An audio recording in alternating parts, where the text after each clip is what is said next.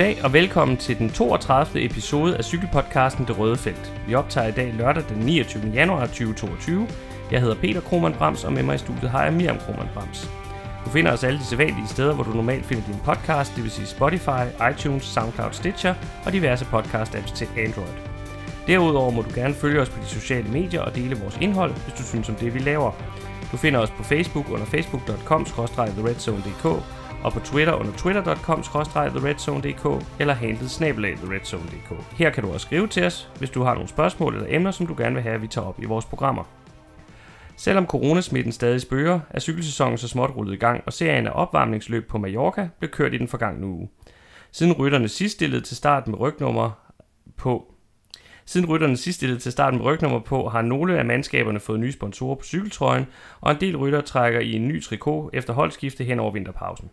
I dette program og det næste fortsætter vi med at se nærmere på netop transfermarkedet, hvilke ryttere kommer ind og ud på de forskellige hold, og hvilke nye talenter gør deres entré på cykelsportens helt store scene, som vi skal holde øje med i den kommende sæson. Velkommen til. Og jeg tænker, at vi egentlig bare kaster os direkte ud i det. Det første hold, vi skal kigge på i dag, det er Astana Kazakhstan Team. Efter et skuffen 2021, hvor der blev flyttet med en kanadisk overtagelse, som endte med ikke at blive til noget, så er holdet nu helt og aldeles tilbage på kazakiske hænder med Alexander Vinokurov som omdrejningspunkt.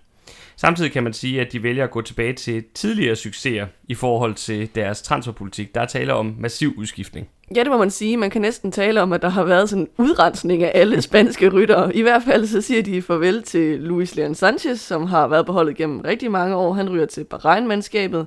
Så sender de Isagia-brødrene videre, altså Jon og Gorka, som ryger til Kofidis for, øh, for Gorkas vedkommende, og til Movistar for Jons vedkommende. Nej, det er den anden vej rundt. Omvendt, ja. øh, Jon Isagia ryger til Kofidi, og Gorka ryger til Movistar. Øh, Omar Frejle bliver sendt til Ineos, og Alex Adamburu ryger til Movistar. Øh, og det er jo så især, synes jeg, Jon Isagir og øh, Alex Adamburu, som har store tab i forhold til de point, som øh, holdet mister på den konto, fordi de har begge to været gode til at køre resultater hjem i ugetabløbenes klassementer og i endagsløb, og også øh, givet point på etappesejre. Og så kan man sige, Luis Leon Sanchez, der er måske ikke så mange point i ham længere, men han har virkelig, tror jeg, været værdifuld for holdet som vejkaptajn. Øh, så selvom at, at der ikke var så mange topresultater fra, fra egen hånd eller fra egne ben længere, så er det også et tab, øh, synes jeg, for holdet. Og det er altså ikke kun de her spanske ryttere, der siger farvel. Der er også nogle meget markante navne fra den øvrige trup, som også nu er fortid på holdet. Øh, den første, der nok naturligt springer i øjnene, det er jo selvfølgelig danske Jakob Fuglsang, der skifter til Israel Premier Tech. Han havde nok brug for noget luftforandring ovenpå jo en decideret katastrofal 2021-sæson. Og han følger altså med de her nu tidligere kanadiske medsponsorer til det israelske hold. Fuglsang er jo snart øh, 37, så det er jo ikke givet, at han igen kan nå de højder i for eksempel klassikerne, som han havde senest i 2020. Men alligevel er det jo en markant rytter og en stor pointsluger, som øh, Astana siger farvel til her. Ja, så i den anden ende af aldersskalaen, der finder vi også et stort tab i form af Alexander Vlasov, som ryger til Bora-holdet. Og jeg tror egentlig, jeg synes, hvis man skal pege på én rytter, det er især ærgerligt, at de mister, så er det ham, fordi vi havde jo talt om, at man med Alexander Vlasov nok på Stana tænkte, at der havde man så fremtiden for etabeløbende sikret, fordi han er en mand, der både kan køre klassement i endagsløbende og også i, øhm, eller ikke endagsløbende, i ugetabeløbende og også i de tre uger lange etabeløb. Øhm, og så nu her, hvor han er ved at have fået forløst sit talent, så ryger han så videre til et andet mandskab. Øhm, selvfølgelig så var hans 2021-sæson ikke lige så imponerende, som hans gennembrud i 2020 måske havde lagt op til, men han fik jo alligevel bekræftet i og med, at han, øh, han fik kørt en samlet fjerdeplads hjem i Giroen. Han er stadig kun 25, og der er formentlig masser af fremtid i ham, så det er virkelig ærgerligt for holdet, at de ikke øh, beholder ham og, og ligesom kan blive ved med at udvikle videre. Ja, han er også øh, for mig at se klart det største tag, netop fordi der var øh, det fremtidspotentiale, der var øh, i forhold til ham og, og, og øh, øh, og, øh, og de store etabeløb. Så det, øh, det er et ærgerligt tab, men øh, igen også noget, der, som vi også vil komme ind på lidt senere, der nok også handler om den øh, situation, holdet er i det hele taget sådan rent økonomisk. Øh, de siger også farvel til enkeltstartstalentet øh, Sobredo, som vi snakkede om sidste gang, fordi han skifter til Bike Exchange.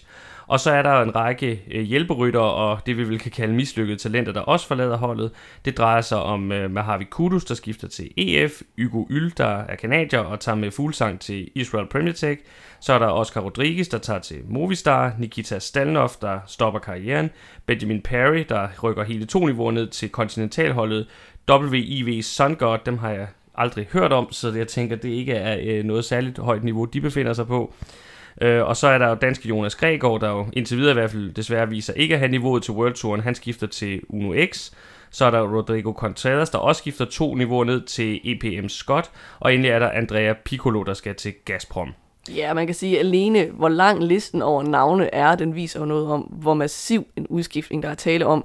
Altså det er nærmest hele truppen, altså det er næsten et nyt hold, øh, der kommer til at køre sammen øh, næste sæson, eller den her sæson. Helt afgjort, og det er jo så det, vi skal tale om nu, fordi øh, hvem er det så, der kommer ind på det her hold, også i forhold til det her med at gå tilbage til tidligere succeser? Ja, øh, fordi man kan sige, at de nye signinger bliver jo i hvert fald i sådan øh, prestige, status, øh, palmarès øh, ført an af Vincenzo Nibali, øh, som skifter fra Trek-holdet tilbage til Astana, hvor han tidligere har kørt, og hvor han også har kørt nogle af karrierens allerstørste resultater hjem. Øhm, det man så kan sige, der er problemet måske, det er jo, at Nibali er efterhånden blevet 37 år, og jeg synes både i 2020 og i 2021, der, der har han lignet en mand, der lidt har ramt øh, muren, i modsætning til Valverde, da han ligesom ikke øh, blomstrede op i en sen alder igen. Det er svært for ham at levere øh, de store resultater. Hans eneste top 10 placering på World Tour niveau, både sammenlagt og på etaper, det var en samlet placering som nummer 9 i Tirreno Adriatico. Øhm, dog skal man sige, at hans første sejr siden 2019 kom med en etappesejr og samlet sejr i det lille løb på hjemmebanen Sicilien rundt. Og det tror jeg faktisk, han var rigtig glad for øh, at vinde hjemmebanesejr der. Øhm, men altså, det er en mand, hvor man godt kan være lidt i tvivl om, hvor mange resultater man får ind øh, på holdet sammen med ham. Og han har også kun skrevet en etårig kontrakt, øh, så der er meget, der peger på, at det her det bliver sådan hans svanesang, hans sidste sæson.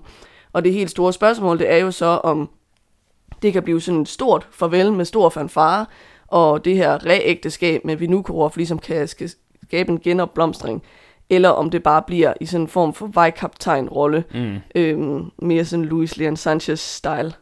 Ja, det kan godt tænkes, det er det, det ender med. Man må så sige, at Nibali han er jo god til at tiltrække øh, ryttere fra sit eget hjemland. Der følger i hvert fald en række italienere med ham ind på Astana i år. Øh, det gælder blandt andet øh, Valerio Conti, der kommer til for UAE, Simone Velasco, der kommer til for Gazprom, så Leonardo Basso, der hentes hos Ineos, og så selvfølgelig lillebror Antonio Nibali, øh, der, som han tager med fra Trek. Og så er der faktisk en italiensk tilføjelse mere. Ja, og det er måske øh, en af de bedste tilføjelser, de har lavet. De henter nemlig Gianni Moscon fra Ineos. Øhm, og man kan sige, at i modsætning til Nibali, så må man sige, at efter han havde et par dårlige sæsoner i 1920, så fik han virkelig genfundet sejrsmelodien i 2021.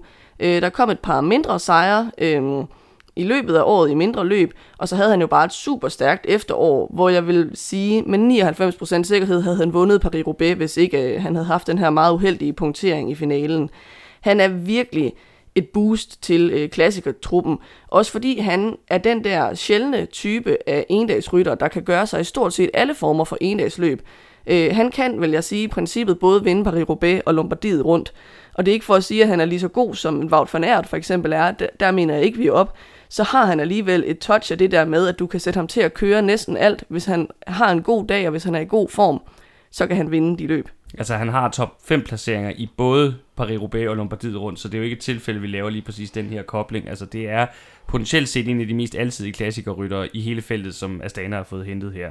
Og så lader det også til, at han måske har fået rettet lidt op på nogle af de uheldige tendenser, han også havde uden for landevejen tidligere. Han virker i hvert fald til at være mere en, en sink og mere rolig, end han har været tidligere. Det er nok også det, der har været forklaringen på hans genopblomstring sidste år.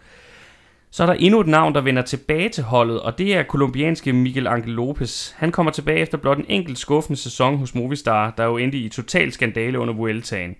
Uh, han bliver nok holdets primære klassementsnavn i denne her sæson, men spørgsmålet er, om uh, det bliver bedre end de to tredjepladser fra Dion under Vueltaen, som han hentede tilbage i 2018.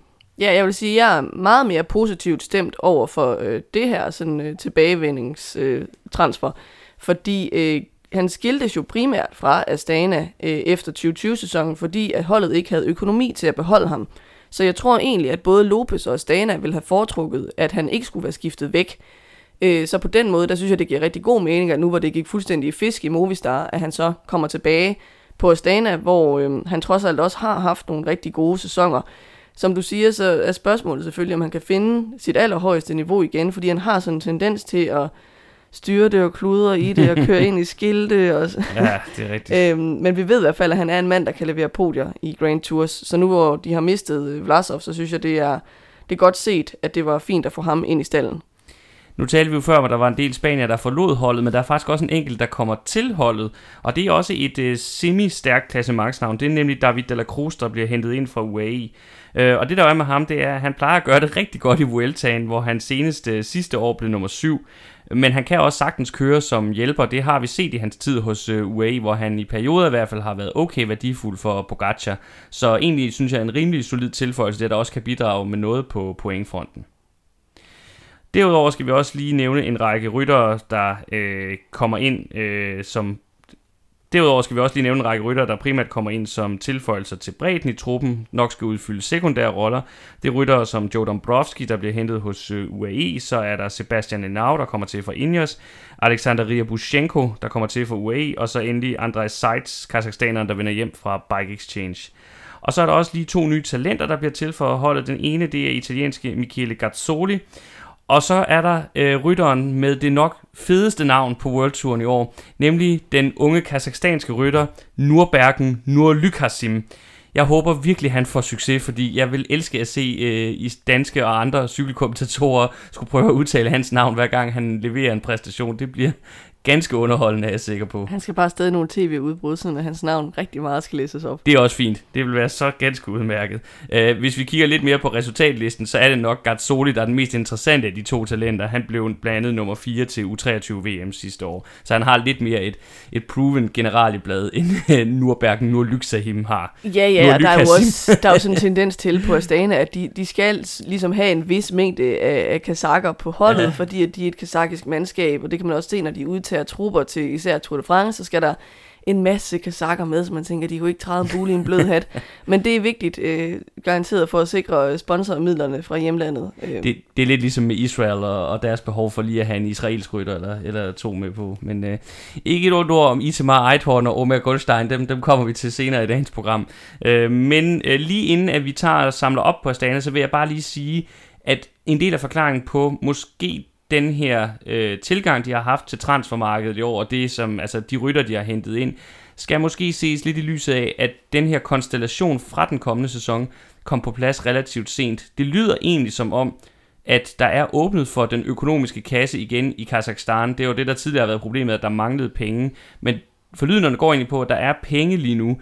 Problemet er bare, at de kom så sent på plads med det her setup, at rigtig mange ryttere havde fundet nye græsgange til den kommende sæson. Så der har også været lidt sådan øh, transfer af nød og transfer af, hvad der lige var muligt, i stedet for øh, det, man måske egentlig havde lyst til. Men øh, det, så det er også bare lige vigtigt at have med som perspektiv her. Ja, så kan man sige, at noget af shake-up i truppen handler jo nok også om, at der, som du siger, der har jo været masser af turbulens i løbet af året, hvor man måske troede, at den her kanadiske sponsor skulle ind og overtage holdet fuldt ud, og så endte det med, at de trak sig helt ud af det, fordi at... Øh, de ikke kunne blive enige, og de havde jo egentlig prøvet at smide Vinukurov helt ud af det, og nu mm. er det mm. så Vinukurov, der er inde og styre det hele igen, så det har været sådan lidt øh, turbulent år. Det må man sige. Men øh, lad os samle op på, på deres handling på transfermarkedet. Hvad siger vi sådan alt i alt til, til Astana her ved indgangen til 2022? Først og fremmest, at der var virkelig er stor udskiftning. Øh, samtidig synes jeg også, de, de mister mange sejrs og ingen tunge rytter og store navne, altså især Fuglsang, Vlasov, Jonis Aguirre, Adam Budo. Man kan godt argumentere for, at de bliver udskiftet nogenlunde en til en, hvor man kan sige, at Nibali måske skal tage over fra Fuglsang, Lopez skal tage over fra Vlasov, øh, De La Cruz og Moscon skal ind og dække af, for det de mister ved Jon, Isagir og Adam Budo. Men det man kan sige om dem, de får ind i stedet for, det er, at de er væsentligt mere øh, usikre kort, end dem, de erstatter. Øhm, så man kan sige, at der er måske et stort upside øh, på dem, men der er også en, en stor risiko for, at det bliver øh, et flop. Øh, så jeg vil sige, at på papiret ligner det i hvert fald marginalt sværere trup end, øh, end sidste år.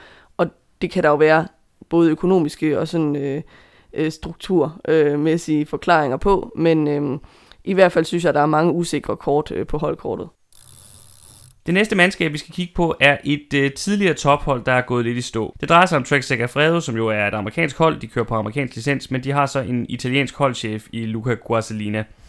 Der var langt mellem snapsene øh, for det her hold i øh, 2021 på nær et enkelt stort resultat, nemlig Jasper Støjvens sejr i Milano Sanremo. Men det var ikke det år, de havde håbet på, så hvad sker der så nu i forhold til truppen hos øh, det amerikansk-italienske projekt? Jamen for at begynde der, hvor vi slap før, kan man næsten sige, så siger de jo farvel til Vincenzo Nibali, som bliver sendt til Astana. Og man kan sige om det, at Trek havde jo længe gerne vil have øh, Nibali over, øh, fordi at de gerne vil have en stor italiensk profil. De har Segafredo som, øh, som sponsor, de har også nogle andre øh, italienske sponsorer indenover. Øh, og så var det jo kæmpe fedt for dem, at de fik øh, Nibali. Jeg mener, det var vel var det et år efter, at han vandt øh, Sanremo-monumentet, øh, mm. at de fik ham ombord. Øh, så tænkte man, at det skulle blive rigtig godt med den her store italienske profil, og det blev bare aldrig nogen succes. Øhm, fordi 2020 var selvfølgelig et svært år for mange på grund af corona. Øh, det gik overhovedet ikke, som de havde håbet på med Nibali i Giroen, hvor han kun blev nummer syv og fik totalt køretur af de unge talenter. Og alligevel så endte det vel nærmest med at blive det største resultat i løbet af de to år, han har haft på holdet. Øh, så det må være en skuffelse for både øh, holdet og, og Nibali, og på den måde giver det jo rigtig fin mening, at de sender ham videre. De havde nok bare håbet på, at øh, det skulle have været oven på to rigtig succesfulde år i stedet for. Udover Nibali, så må man sige, at det primært er hjælperytter og igen skuffende talenter, der forlader holdet. Det drejer sig om irske Ryan Mullen, der skifter til Bora. Endnu et desværre dansk talent, der ikke rigtig er blevet til noget, nemlig Niklas E. Han tager også til Uno X nede på pro-kontinental niveau. Så er der Nicola Conchi, der skifter til Gazprom. Lillebror Nibali, Antonio Nibali, der tager med storebror til Astana. Der er Michael Reis, eller Michael Ries, der skifter til Arkea, der jo også er på øh, næsthøjeste niveau, altså pro-kontinental. Og så britiske Charlie Quarterman, der så vidt vides ikke har fundet et nyt hold på nuværende tidspunkt. Og endelig har vi så Kone de Kort og Kiel Reinen, som begge to går på pension. Og det synes jeg jo egentlig godt, man kan bide mærke i, at det faktisk kun er en af de her ryttere, som tager med Nibali til Astana, og det er hans lillebror, øh, Antonio, fordi tidligere, der har Nibali været lidt sådan en, en rytter, ligesom øhm, Contador var, og Sagan er, som rejser rundt med sådan en entourage af både rytter og personel, og jeg mener også, at han havde en del med til Trek, øh, og præcis hvor de alle sammen er endt henne, om de er blevet på Trek, eller er blevet skibet afsted nogle andre transfersæsoner, det ved jeg ikke.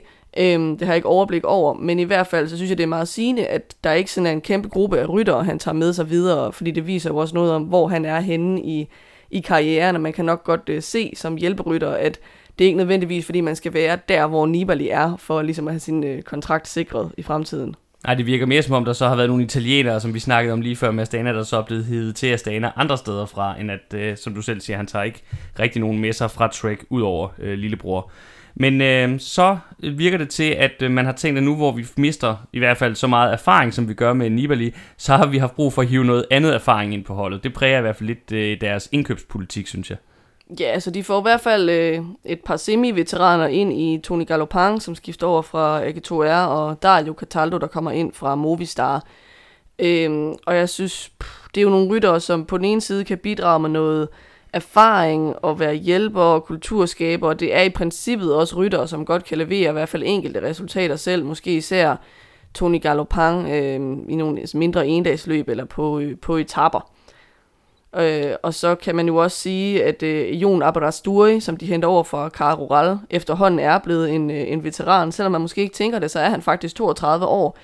Øh, og han har haft sådan lidt øh, sjovt karriereforløb. Han kører øhm, for, på World Touren for anden gang i karrieren. Han havde sin første sæson i, i 2013, dengang Escatel var et, øh, øh, et mandskab på øverste niveau. Og så tog han jo turen helt ned på kontinentalniveau, og så har han kørt de sidste tre år på Cairo Ral, som er et pro-hold. Øhm, og han er jo sådan en mand, som øh, godt kan være god for nogle spurtsejre eller nogle sekundære placeringer i spanske løb, men nogle store sejning synes jeg ikke, øh, vi kan tale om det er. Ej, det er jo usikkert, hvor meget man får ud af ham, selvom jeg synes, det er rigtig, rigtig flot, at han ligesom gradvist har arbejdet sig tilbage til det højeste niveau, øh, og han har jo hentet de her småsejre, i, især i hjemlandet de seneste par år også, og det er jo nok også derfor, at Trek tænker, at der kan være en pointe i at hente ham op på World Touren igen. Men jo, som øh, med den alder, han har nået, så er det ikke sandsynligt, at det er der, at der er de helt store point at hente. Lidt mere interessant er det at kigge på de to næste navne, i forhold til, om der skulle både være noget udviklingspotentiale, og også øh, nogle point øh, at hente til verdensranglisten. Det drejer sig om norske Markus Hølgaard, der kommer til fra Uno X, og så hollandske Antoine Tolhøg, der bliver hentet hos øh, Jumbo. De her to rytter er begge to blevet 27, men alligevel er det sådan nogle rytter, hvor man når man kigger på de seneste sæsoner, har set nogle ting, hvor man tænker, der kan godt være mere i dem her, og det er også derfor, det giver god mening, at de får en chance på et nyt hold, hvor de måske får lidt friere rammer, i hvert fald når vi snakker 12 end de har haft tidligere, og så for Hølgaards vedkommende altså helt taget får chancen for at køre på det højeste niveau. Det er nok især Hølgaard, der er, er spændende i forhold til potentiale. Han har leveret nogle resultater, øh, men han har bare indtil nu kørt på lavere niveau. Sidste år så vi ham så gøre det rigtig godt i nogle af de største klassikere, og det er nok også det, der har ligesom øh, lokket Trek til at prøve at give ham en chance. Øh, for Tolhøg, der handlede det som sagt om, at han var endt ret langt nede i hierarkiet hos Jumbo, øh, hvor han lidt måske var endt som sådan en fattigmandsudgave af Sepp Koss. Altså, det kunne nogle af de samme ting, men bare ikke helt på samme niveau. Og derfor så var der meget langt til, at han skulle prøve at få sin egen chance ved at blive der. Så igen, så giver et skifte rigtig god mening for ham også. Ja, så har de øh, også indkøbt øh, Simon Pelot, øh, som kom over fra Androni-holdet, og Otto Vergerde, jeg ved ikke, om det er sådan, det skal udtales, som kom ind fra Alpecin. Og det er nok mest øh, hjælperyttere. Til gengæld så har de også øh, indfanget fire unge talenter, eller i hvert fald af de unge ryttere. Øhm, og den mest interessante af dem, synes jeg umiddelbart må være U23-verdensmesteren Filippo Baroncini. Øhm, så skal øh, med danske øjne det også nævnes, at Asbjørn Hellemose øh, kommer ind i truppen. Øh, og han blev faktisk nummer 5 i det, man kalder Baby Giroen sidste år. Så det bliver også spændende at følge hans udvikling. Øhm, og der kommer han i hvert fald ind i et miljø, hvor der er nogle andre danskere, han kan læne sig op af. Også en øh, ung gut som Skelmose, der jo sidste år viste, at han har noget potentiale som etabeløbsrytter. Og Jakob Eholm. Og Jakob Eholm. øh, det er måske ikke ham, han skal læne sig så meget op af. Øh, nå. Og så får de også øh, Dan Hol øh, ind, vil jeg gerne nævne. Øh, han kommer fra Holland, og jeg synes umiddelbart, at han ligner en, der godt kunne blive en interessant tilføjelse til klassikertruppen. Der er selvfølgelig rigtig mange store navne i den truppe allerede, så det vil måske mest være sådan en hjælper-lærlingerolle øh, øh, til en start. Øh, blandt andet så har de jo danske Mads Pedersen og også øh, Jasper Støjven, som vi har talt om på holdkortet der. Øh, men ham tror jeg også godt kan blive en spændende rytter i fremtiden. Det er helt klart en af de øh, mere interessante hold, når vi snakker talentinvesteringer, fordi der jo altså i hvert fald er tre ryttere her, som jeg synes, der er noget klart potentiale i. Så det bliver jo spændende at følge både Bauntini, Hellemose og Hole her deres første sæson på allerhøjeste niveau. Hvis vi lige skal samle op på track, hvordan synes vi så, det ser ud sammenlignet med sidste år? Ja, man kan sige, at Nibali er jo en markant afgang på papiret, men i praksis så er det jo ikke fordi, at det er mange resultater og World Tour point, han har bidraget med. Øhm, omvendt synes jeg også, man kan sige, at det er svært at se, hvor meget der er kommet efter i de kendte navne, som de trækker ind. Sådan en som Abadasture kan godt være en joker på grund af hans hurtighed, men jeg tror ikke, at der sådan kommer en pointregn øh, ned fra de øh, transfers, de har lavet der. Øhm, så i virkeligheden synes jeg lidt, at det er status quo på papiret, og jeg, jeg tror, man må sige, at hvorvidt der kommer mere succes på det hold, øhm, kommer måske i højere grad til at afhænge af, hvordan talenterne på holdet øh, udvikler sig, øh, og hvordan de profiler, der var i truppen i forvejen, kommer til at levere i sammenligning med sidste år. Og jeg synes egentlig, at den øh, transfer politik, vi ser på Trek, kan ses som udtryk for, at de har en ret stor tro på, at de har de talenter og de profiler i truppen, som de gerne vil arbejde med lige nu, og at de så mere satser på en videreudvikling af dem, og, og hente noget ind, som dels kan støtte op om dem, og nogle nye talenter, så der også er noget, de kan blive ved med at, at udvikle på. Øh, og det, det tror jeg både fordi, at de er ret tilfredse med det, de har, og så også fordi, at de har kigget på fortiden og sagt, hold da op, vi var længe om at få lavet et generationsskifte, så nu sørger man for at få noget talent ind, måske hvert år, så man ved, at man hele tiden har et eller andet øh, at arbejde med. Nu vender vi så blikket mod World Tourens ældste hold, og det er selvfølgelig Movistar. Det spanske mandskab med den flotte historik i Grand Tours havde en måske forventet, men samtidig lidt skuffende sæson sidste år. Grundstrukturen og de stærke traditioner er dog intakte, og derfor så er udskiftningen i truppen heller ikke voldsom. Nej, dog må man sige, at det selvfølgelig er bemærkelsesværdigt, at de siger farvel til Mikkel Angel Lopez, som vi allerede har talt om, som ryger til Astana. Det var jo bare et kæmpe flop øh, på alle måder, og han endte jo med at blive øh, fyret, fyret på gråt papir efter den her skandaløse exit fra Vueltaen, hvor han følte, at øh, holdet ikke øh, kørte for ham og ikke tillod ham at køre hans egen chance der, da han var blevet øh, sat fra favoritgruppen og var ved at miste sin øh, podieplads. Og så endte med bare at stå af cyklen og sætte sig ind i en bil og ikke ville gennemføre løbet. Øhm, så det øh, blev hverken lykkeligt, mens det stod på, og det var i hvert fald overhovedet heller ikke en lykkelig afslutning på, på det samarbejde. Og det kan man bestemt ikke sige. En anden profil, der også siger farvel, det er spanske Marc Soler, der skifter til UAE. Man må sige, at han fik aldrig for alvor forløst det talent som etabeløbsrytter, som nogen i hvert fald mente, at han havde. Øh, specielt i Grand Tours kom han til kort og havde slet slet ikke niveauet til at sidde med de allerbedste han skifter formentlig over til en rolle som løjtnantskrådstreg stærk hjælperytter på sit nye hold, som jo netop, altså UAE også er blevet kritiseret for ikke at have været god nok til at give øh, Pogacar rigeligt med støtte, så det, det er nok en investering for dem, som man skal se i den sammenhæng. Det kommer vi selvfølgelig også til at tale mere om, når vi skal gennemgå UAE. Ja, jeg vil egentlig gerne lige nævne, at på en måde synes jeg også, det er synd for Max Soler, fordi han fik jo sit gennembrud ved at vinde øh, Paris-Nice for efterhånden en del sæsoner siden som meget ung rytter. Øhm, og så tænkte alle jo, at så skulle han være etabløbsrytter, men det man måske ikke lige havde tænkt over, var, at det var en enormt flad udgave af Paris-Nice. altså det var en udgave, hvor der ikke var specielt mange høje, stejle bjerge, øhm, så derfor var det muligt for ham at, at sidde med. Han er jo sådan ret høj, ret tung rytter, øhm, så han har ikke den der sådan klassiske bjergrytter øh, sådan, øh, statur. Øh, og jeg synes, vi har set, at han har andre kvaliteter, for eksempel til at vinde tapper i store, øh, altså i Grand Tours. Øh, så man kunne jo også håbe på, at de vil give ham mulighed for øh, at få en lidt anden type af rolle, udover at han skal være hjælperytter for Pogacar. Det kan man håbe. Altså, jeg synes jo egentlig, at UAE er et hold, der er god til at benytte sig af de ryttere, de har, selvom at øh, de jo også har været lidt indstrengede. Så øh, også har været god til i et eller andet omfang at forløse det potentiale, der er de ryttere, de har på holdkortet. Så det, det kan ikke udelukkes, det må vi håbe for, for hans skyld. Øh, Udover Lopez og Soler, så er det igen mest sekundære navne, der forlader holdet. Det er solide hjælperytter, som Dario Cataldo, vi lige har talt om, der skifter til Trek, og Davide Villela, der skifter til Kofidi. Øh, de rykker til andre World Tour-mandskaber, og så er der nogle af de her uforløste talenter, for eksempel Gabriel Collet, Colley, jeg ved ikke, hvordan det udtales, der skifter til et lille hold, der hedder saint Piran.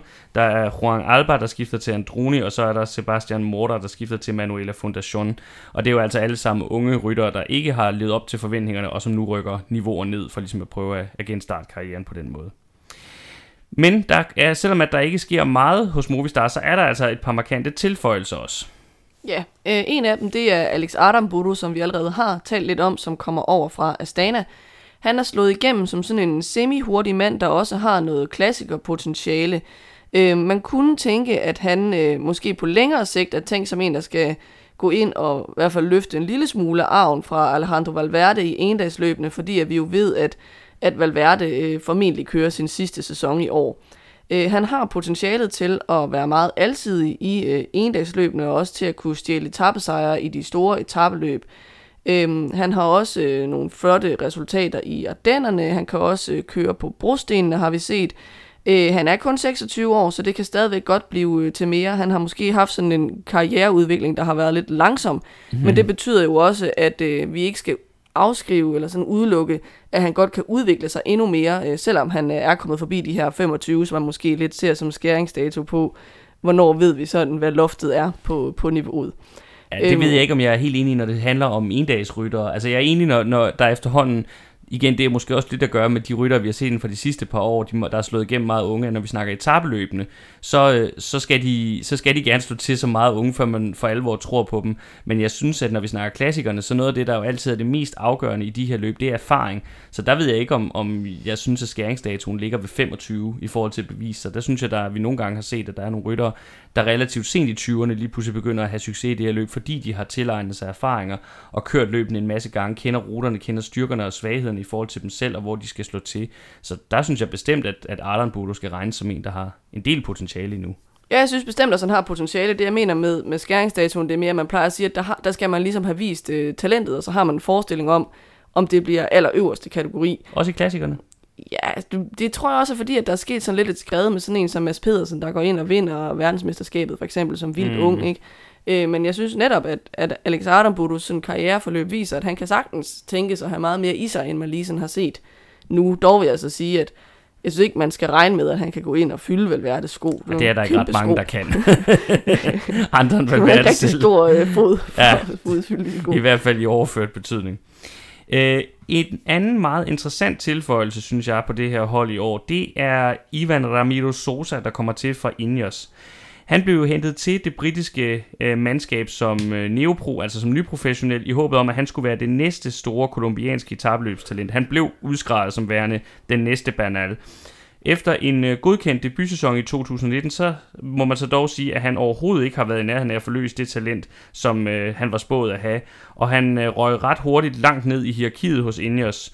Øh, nu er han så blevet 24, og derfor så giver luftforandring rigtig god mening, fordi øh, hvis han var blevet på det britiske mandskab, så var han formentlig endt med at blive en karrierehjælperytter, hvor han var blevet prioriteret ned i forhold til mange af de andre øh, stærke klassementsnavne, de har på det hold.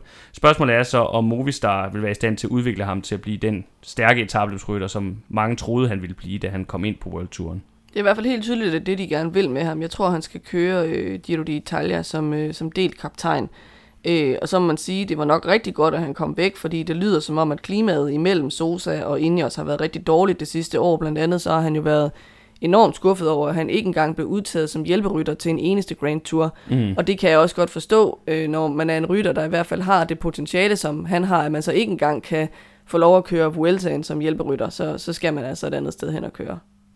Endelig kommer der nogle tilføjelser til bredden i truppen i form af Gorka Isagir, der jo vinder hjem, øh, og han tager Oscar Rodriguez med fra Astana øh, som ny tilføjelser til hjælperytterdelen af truppen. Det er jo et første gang, tror jeg, at karrieren Gorka kører uden brormand Jon, så det bliver også interessant at se, hvordan han håndterer det.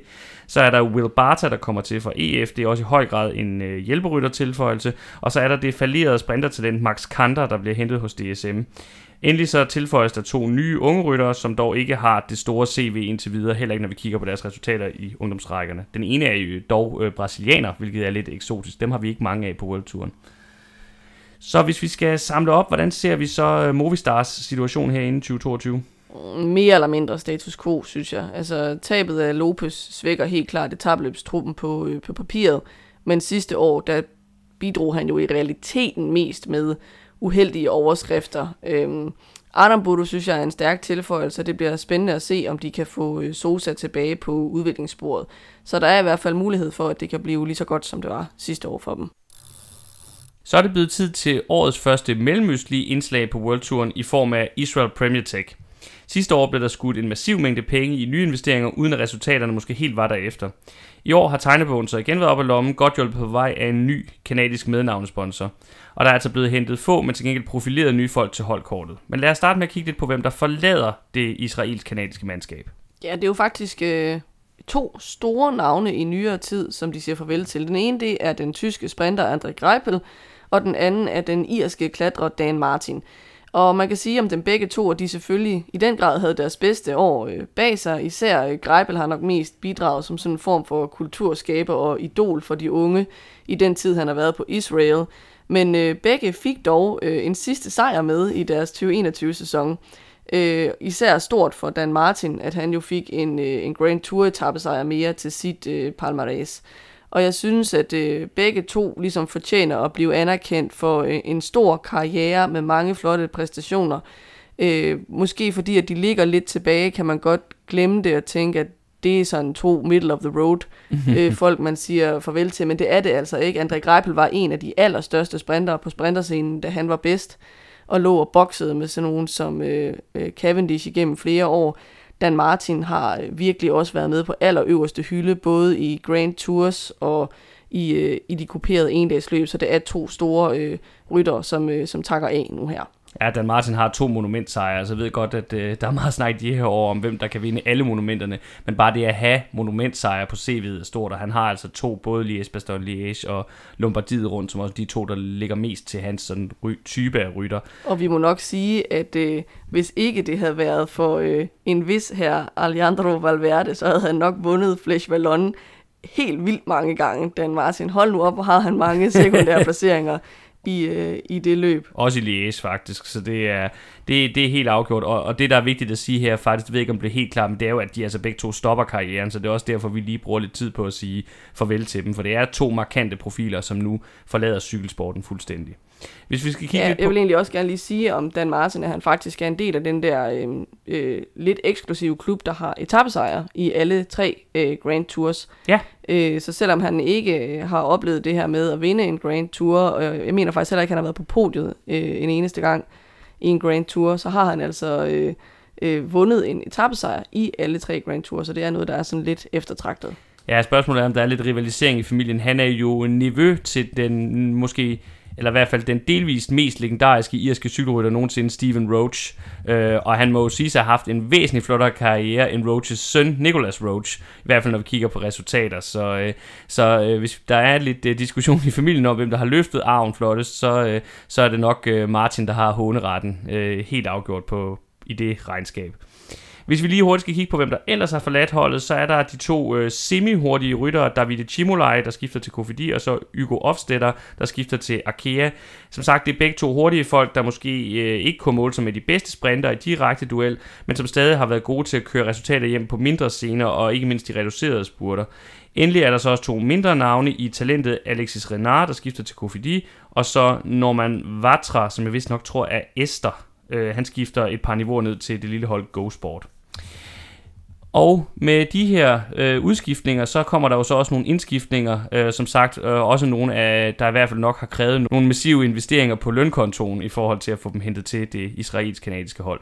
Ja, altså både set med danske øjne, men også sådan lidt med objektive øjne, hvis man kan tale om det, så er det jo stort, at, øh, at designer Jakob Fuglsang. Øh, han havde et dårligt år sidste år, men han er dog et stort navn inden for cykelsporten. Øh, jeg synes, man måske kan sige om den signing, at her fortsætter de lidt den her politik med at hente nogle ret gamle ryttere øh, til holdet, hvor der er en risiko for, at de øh, har de bedste år bag sig. Øh, som vi talte om før, så var Greibel og Dan Martin ikke ligefrem har heller ikke, da de blev hentet til holdet. Øh, en Woods, der også er lidt op i årene, har de hentet over. En Froome er jo det allerbedste eksempel mm. på det. Nu henter de så 37 år i Jakob Fuglsang. Øh, det man så skal sige, det er, at han havde sine to bedste sæsoner i 19 og 20, som relativt sent i karrieren. Øh, så der er jo kæmpe upside i ham, hvis han kan finde det samme niveau, som han havde i, i 2019 og i, i 2020. Især i 2019, der var han jo nærmest øh, den bedste, eller næstbedste efter eller Philippe endagsrytter i feltet. Øh, sidste år var virkelig en regulær katastrofe, så om det bliver en succes, både for ham og for holdet, det kommer 100% til at handle om, om, øh, om han kan finde øh, niveauet fra 19 og 20, eller om han har ramt muren. En anden investering, der bestemt heller ikke er en vorhar, men dog ikke er 37, det er Giacomo Nizzolo, der kommer til fra det nu lukkede, eller i hvert fald nedgraderede Quebec-mandskab. Nitolo er jo blevet 32, hvilket jo kan siges at være en høj alder for en sprinter, men han havde faktisk en af sine bedste sæsoner i karrieren i 2021. Han vandt endelig sin første etappesejr i Gio'en, og derudover blev han så nummer to i Gent Wevelgem efter Wout van Aert. Så hvis han holder det her niveau, så kan han vise sig at blive en rigtig god pointmaskine for det her hold. Der lidt mangler nogen, der virkelig kan, kan hjælpe dem med at løfte sig på, på verdensranglisten. Øh, han vinder ikke mange sejre, men han kan blande sig med de bedste på stregen i Grand Tours uetabeløb, og også i de enkelte klassikere, der ikke er forkopieret. Han er heller ikke helt ringe til brosten faktisk. Det, også, det viser hans øh, andenplads igen Wevelgem også. Så det er, hvis han holder niveauet som minimum, så er det her en, en rytter, som med lidt større sikkerhed øh, bør kunne bidrage i hvert fald rigtig godt på pointkontoen. Ja, de henter jo faktisk også en anden rytter over fra Quebec, som også kan give dem noget til endagsløbende, nemlig Simon Clark. Øhm, han havde et rigtig godt år i 19, og så har han ikke rigtig kunne følge op på det i de sidste to sæsoner. Og det var måske også derfor, at holdene ikke ligefrem stod i kø til at signe Simon Clark, men han var jo så i den grad ude og klage sin nød, fordi han ikke havde kunne finde et nyt øh, World Tour hold efter det kuldsejlede øh, Quebeca. Øh, så man kan sige, at han er sådan lidt kommet med på afbud. Han var ude og sige i medierne, at det kunne simpelthen ikke passe, at en rytter af hans kaliber ikke skulle have lov til at køre på World Tour. Og det var måske lidt baseret på øh, nogle resultater, der ligger et par år tilbage. Øh, men han kan blive en rigtig fin marker til sådan nogen som, øh, som Fuglsang og Woods, måske også i nogle konstellationer til, øh, til Nizzolo, så han er en, en udmærket øh, forstærkning til, til en dags truppen der, synes jeg. Helt bestemt. Og så slutligt kan vi lige tilføje, at øh, kanadiske Hugo Yl kommer over fra Astana. Det er en klar hjælperytterinvestering. Og så er der for en gang skyld et enkelt talent, øh, der er ny på holdet, også i form af den unge New Zealander Corbin Strong, der kommer til fra det lille SEG-mandskab. Så alt i alt, hvor ser vi Israel Premier Tech her ved indgangen til den kommende sæson?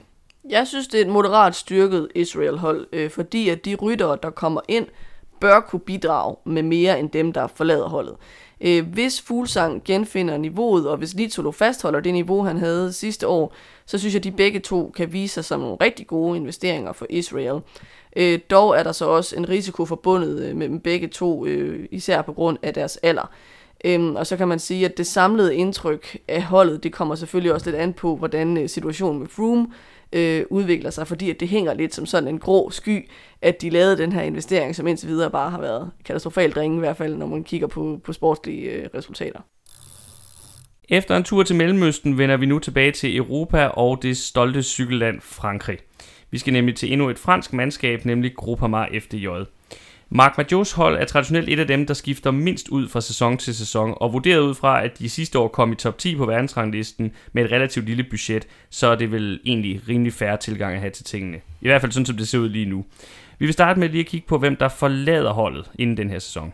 Ja, generelt må man sige, at det er ikke fordi, der er de store overskrifter der. Øhm, det er William, og, William Bonnet og Michael Delage, så de stopper begge to karrieren. Så enkeltstartsrytteren øh, Benjamin Thomas skifter til Kofidi. Øh, så sender de Alexis Brunel til UAE og Simon Guglielmi til Arkea. Og øh, Roman Sjækle står uden øh, ny kontrakt, og jeg synes, det er helt fair, hvis man øh, ikke lige tænker, hold da op en masse navne, jeg kender. Øh, fordi det er ikke nogen øh, store stjerner, der forlader holdet. Nej, det er bredden i truppen, der bliver skiftet lidt ud i her. Og det, det bærer vel egentlig også præg af, af hvem der kommer ind på holdet. selvom der, der, der er dog et navn, jeg tænker, vi lige bliver nødt til at fokusere lidt på. Ja, fordi de får jo øh, Michael Storer over for DSM, som vi talte om i vores øh, øh, forrige program. Han brød øh, virkelig igennem øh, på World Touren i den forgangne sæson, altså i 2021, hvor det blev til to etappesejre og en bjergtrøje i Vueltaen, og hvor han også vandt den samlede sejr i etabløbet Tour de Lang. Han bliver øh, 25 til februar, så der burde stadig være noget udviklingspotentiale i ham. Og spørgsmålet er så selvfølgelig, hvad for en ryttertype han bør udvikle sig til. Øh, og det er jo noget af det, der kommer til at blive defineret af hans tid på øh, FDJ-holdet. Og det store spørgsmål det er selvfølgelig, skal han forsøge at blive endnu bedre i etabeløb for at prøve at køre med om de samlede placeringer, for eksempel i de største ugetabeløb eller måske endda i Grand Tours, eller skal han fortsætte tilværelsen som etapejæger øh, og måske prøve at udvide sit fokus til øh, nogle kuperede endagsløb. Han viste sig lidt frem i Italien i efteråret, for eksempel, hvor man kunne gå efter nogle af, af løbene, som en Giro dell'Emilia, for eksempel øh, Classica San Sebastian.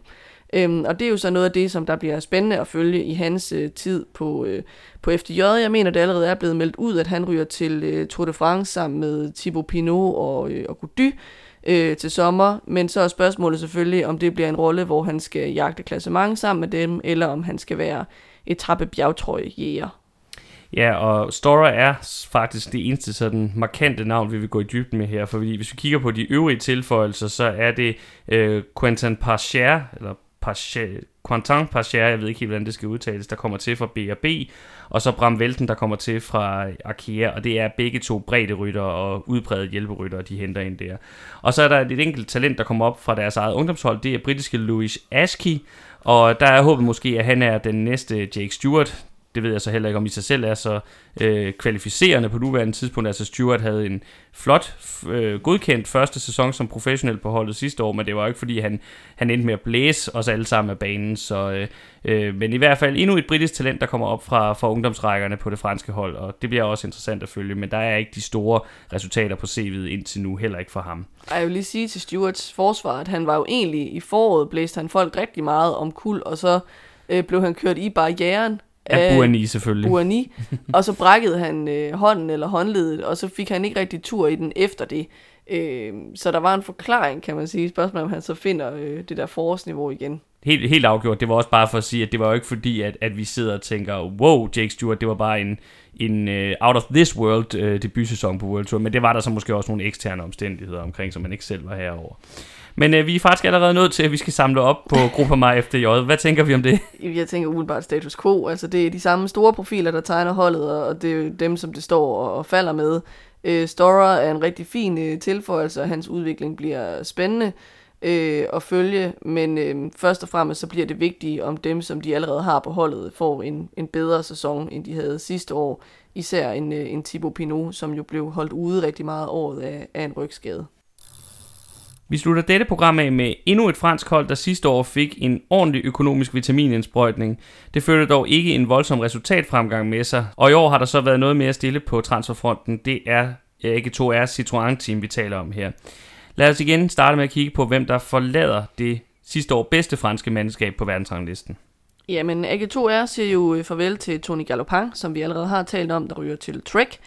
Øh, jeg synes ikke, det er noget stort tab, fordi han har ikke udrettet vildt meget de seneste to sæsoner, så det er mere sådan en, en luksushjælperytter-type, de siger farvel til øh, her. Øh, så siger de også øh, adieu til Alexis Gouchard, som ryger til øh, B&B-holdet. Det er lidt øh, samme historie, og det er jo også øh, et hold på lavere niveau, han skifter ned til. Øh, så er der øh, François Bidard, der ryger til Kofidi. Øh, han er også sådan en karriere-hjælperytter-type. Øh, og så sender de tre mand på pension. Øhm, Mathias Frank, han sagde farvel allerede øh, halvvejs igennem sidste sæson, øh, hvor han øh, sluttede af med hjemmebaneløbet Schweiz rundt. Øhm, og her ved, øh, ved sæsonafslutningen i vinterpausen, der er Ben Gostoe og øh, Julian Duval så fuldt efter samme vej. Ja, igen ikke de store udskiftninger her, og igen øh, skal ses på baggrund af, af den massive udskiftning, der var på holdet sidste år. Og det præger også holdets øh, indkøbspolitik i år, der er heller ikke de store tilføjelser. Nej, men jeg synes alligevel, der er noget lidt spændende i form af Felix Gall, øh, som har været lidt omtalt. Ham får de over fra øh, DSM. Han er stadig ikke sådan for alvor brudt igennem på World Tour-niveau, øh, øhm, men der er øh, noget, der indikerer, at det kommer, synes jeg, fordi han har faktisk kørt flot øh, den seneste uge i de her Mallorca Challenge øh, løb. Det er selvfølgelig ikke sådan, at man bare tænker, hold da op, nu kommer han til at vinde rigtig mange sejre. Øhm, men jeg synes, at øh, han har vist, at der rent faktisk er noget potentiale, og at det er berettiget, at man taler lidt øh, om den her øh, endnu unge mand. Det kan være, at det også for ham ender med at være en, en god forretning at være kommet væk fra DSM. Det, øh, det, er, det er lidt uh, uheldigt, at det er sådan en historie, der efterhånden mere og mere stensikkert opbygger sig omkring det mandskab. Der er også tilføjelse her hos Agetoir af tre unge franske navne, øh, og der er to, vi lige vil fremhæve. Det er den ene, det er Valentin Parapantra, som er lillebror til Aurélien Parapanta, som allerede er i truppen, øh, og som jo sidste år efter et par svære øh, tidlige sæsoner som professionel, jo faktisk begyndte at vise lidt i øvrigt sammen, det samme med det andet franske talent, de allerede har i truppen, Clément Champoussin. Så vi må se, om lillebror Parapanta også kommer til at gennemgå en lignende udvikling. Jeg tænker i hvert fald, at vi skal ikke være, øh, vi skal ikke afskrive ham, hvis det ikke lige kommer med det samme, for hvis han følger samme spor som storebror, så skal der også gå lidt tid, før han for alvor finder sine ben. Men så kan det jo også være, at han bliver en, en spændende rytter. Og så er der Paul Lapierre, eller Paul Lapierre, øh, som også er franskmand, og som sidste år vandt ungdomsudgaven af Lombardiet rundt. Også en interessant ny ung tilføjelse. Øh, og vi er igen faktisk rimelig hurtigt nået til at kunne samle op, for som sagt, der er ikke sket så frygtelig meget. Så hvad tænker vi om AG2R Citroën Team her inden 2022? Jamen, jeg tænker igen, at det er status quo i og med, at, øh, at indkøbene og afgangene, øh, i hvert fald på papiret, ikke burde ændre på det samlede billede. Og jeg synes, det er meget naturligt ovenpå, at de havde nogle meget store investeringer sidste transfer, at de så har haft et mere øh, roligt år på transfermarkedet i år. Og derfor må vi nok også sige, at hvorvidt de får større succes i den kommende sæson, end de havde i 21, det bliver i meget høj grad afgjort af, om de investeringer, de lavede fra sidste år, de slår mere til i 2022. Man kan sige, at øh, Ben O'Connor, han overpræsterede øh, sidste år med sin øh, samlede fjerdeplads i Tour de France. Det var der nok ikke lige nogen, der havde set komme. Øh, til gengæld så sådan nogle rytter som øh, Craig van Avermaet og Bob Jungels, øh, de skal gerne vise noget mere, øh, end de gjorde øh, sidste sæson, fordi de var nogle af de store indkøb holdet lavede, uden at få sådan specielt meget valuta for pengene. Inden vi siger tak for i dag, så vil jeg lige komme med en anbefaling. Hvis du lytter til vores programmer og gerne vil hjælpe os med at komme ud til flere lyttere, så må du meget gerne give os en anmeldelse i den podcast tjeneste, som du benytter dig af. Så kan det være, at der er endnu flere, der kommer til at kende til os, så det vil vi sætte stor pris på. Det røde felt er en del af sportsuniverset The Red Zone, der også indeholder bloggen theredzone.dk, hvor du blandt andet kan finde links til vores programmer, samt artikler om en anden fed sportsgren, nemlig amerikansk fodbold og NFL, hvor vi lige nu er i fuld gang med slutspillet. I det næste program tager vi sidste del af vores transfergennemgang med fokus på de seks hold, der sidste år endte øverst på verdensranglisten. I denne omgang har du lyttet til mig. Jeg hedder Peter Krohmann Brams, og med mig i studiet har jeg haft mere om Krohmann Brams. Vi lyttes ved.